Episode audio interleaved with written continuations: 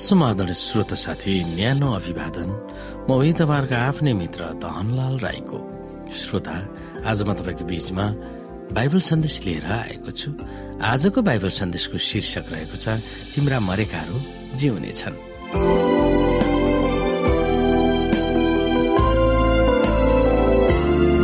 श्रोत साथी आउनुहोस् हामी यसै छब्बिस अध्यायको चौधबाट आजको अध्यायलाई सुरु गरौं। सधैँको निम्ति नाश हुने र अनन्त जीवन पाउनेहरूको बीच के ठुलो अन्तर छ? अब तिनीहरू मरेका छन् र फेरि जिउने छैनन् र तिनीहरूका आत्मा वा प्राण जाग्ने छैन किनभने तिनीहरूलाई तपाईँले दण्ड दिएर नाश गर्नु भएको छ। कसैले अब तिनीहरूलाई याद गर्दैन? तपाईँका मरिगएका मानिसहरू फेरि जिउनेछन् तिनीहरूका शरीर जीवित भई उठ्नेछन् आफ्ना च्यानभित्र सुत्नेहरू सबै उठ्नेछन् र आनन्दले गाउनेछन् टल्कने शीतले जमिनलाई स्वच्छ पारे चाहिँ परमप्रभुले पहिले मरेकाहरूलाई फेरि जीवित पार्नुहुनेछ। यहाँ हामी फेरि मलाकीको पुस्तकलाई हेर्न सक्छौ। चार अध्यायको एकदेखि तिनमा सर्वशक्तिमान परमप्रभु भन्नुहुन्छ त्यो दिन आउँदैछ त्यो दिन चाहिँ आगोको भट्टी जस्तै जल्नेछ। तब सबै घमण्डी र दुष्ट मानिसहरू पराल जस्तै हुनेछन् र आइरहेको त्यो दिनले तिनीहरूलाई जलाइदिनेछ। त्यस्तो हुनेछ कि न त जरा न हाँगा नै रहनेछ। तर तिमीहरू मेरा आज्ञा पालन गर्नेहरूमाथि मेरो उद्धारको शक्ति सूर्य उदय झै आउनेछ र त्यसले सूर्यको किरण जस्तै चङ्गै ल्याउनेछ। गोठबाट फुक्का छोडिएका बाछाहरू झै तिमीहरू खुसीले उफ्रनेछौ।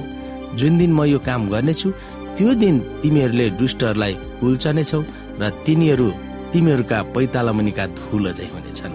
श्रोत साथी परमप्रभुको महान र गौरव हाम्रा मानवीय कमजोर र दुर्बलताको बीचमा भएको मुख्य अन्तरलाई यसैको पुस्तकले प्रस्तुत गर्दछ। यसैया चालिसले यस मामिलामा विस्तृत रूपमा व्याख्या गर्दछ। हामी घाँस जस्तै सुकेर जान्छौँ र फुल जस्तै ओइल्याउँछौँ। तर परमप्रभुको वचन सधैँभरि रहन्छ। हामी पापी कमजोर दुर्बल दुष्ट र खराब भए तापनि परमप्रभुको उद्धार गर्ने अनुग्रह सबै मानव जातिको निम्ति उपलब्ध छ। यसमा कुनै जाति वर्ण राष्ट्र नर वा नारी भन्ने भेद छैन। बाइबलमा उपलब्ध गराइएको मुक्ति केवल इजरायलीहरूको निम्ति मात्र होइन तर अयहुदी वा समस्त मानव जातिको निम्ति हो जसले उहाँको करारलाई अँगाल्छन् र उहाँको साबतको पालना गर्दछन्।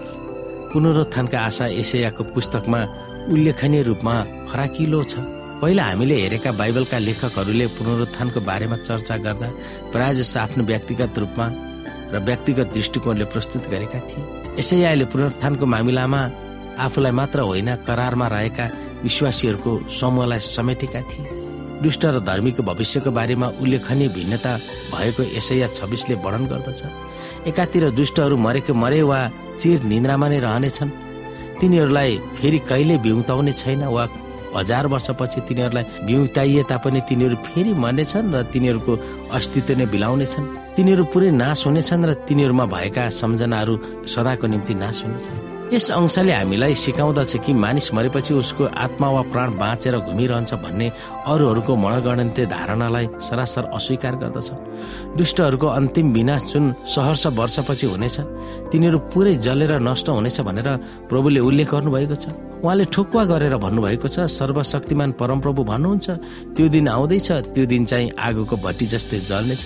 तब सबै घमण्डी र दुष्ट मानिसहरू पराल जस्तै हुनेछन् र आइरहेको त्यो दिनले तिनीहरूलाई जलाइदिनेछ। यस्तो हुनेछ कि न त जरा न हाँगा नै रहनेछ। मलाई कि चार एक रति अर्कोतिर हेर्दा परमप्रभुमा आस्था भरोसा निष्ठा राखेर धर्मी भएर मरेकाहरू पनि मृत्युबाट पुनरुत्थान हुनेछन् तर तिनीहरूले अनन्त जीवन पाउनको निम्ति यसैया पच्चिसको आठमा यो वचन उल्लेख गरिएको छ।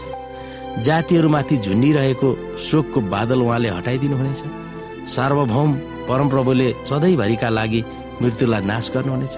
उहाँले प्रत्येकका आँखाबाट आँसु पुछिदिनुहुनेछ र सारा जगतमा आफ्ना प्रजाले भोगेका बदनाम हटाइदिनुहुनेछ। परमप्रभु आफैले यो कुरा भन्नुभएको छ। यसै या छब्बिस अध्यायको उन्नाइसमा यसरी लेखिएको छ तपाईँका मरिगएका मानिसहरू फेरि जिउनेछन्। तिनीहरूका शरीर जीवित भई उठ्नेछन् आफ्ना च्यानभित्र सुत्नेहरू सबै उठ्नेछन् र आनन्दले गाउनेछन्। ढल्कने शीतले जमिनलाई स्वच्छ पारे चाहिँ परमप्रभुले पहिले मरेकाहरूलाई फेरि जीवित पार्नुहुनेछ। पुनरुत्थान भएका सबै धर्मीजनहरू परमप्रभुले सबै मानिसहरूको निम्ति तयार पार्नु भएको भोजमा आनन्द साथ सामेल हुनेछ। अन्तिम पुनरुत्थानमा सबै युगमा मरेका धर्मीजनहरू र ख्रिस्टमा मरेका हाम्रा प्रियजनहरू परमप्रभुको राज्यमा जम्मा हुनेछन् अन्तिम श्रोता तपाईँमा केही आशा छैन भनेर कल्पना गर्नुहोस्। न त कुनै आश्वासन नै हाम्रो मृत्यु केवल यस संसारमा हुने अन्त्य मात्र हो। अझ हामी भन्दा अघि मरेका धर्मीजनहरू सदाको निम्ति अलप हुन्छन् र सदाको निम्ति मरेर जाने भएकोले हाम्रो अस्तित्वको अर्थ नै के हो र भन्ने सोचमा तपाईँ हुनुहुन्छ हामीमा भएको पुनरुत्थानका आशाको विपरीत त्यो धारणा कस्तो छ? त्यो तपाईँ सोच्न सक्नुहुन्छ।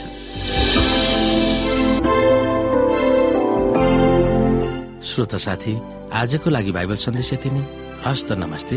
जय मसिंह।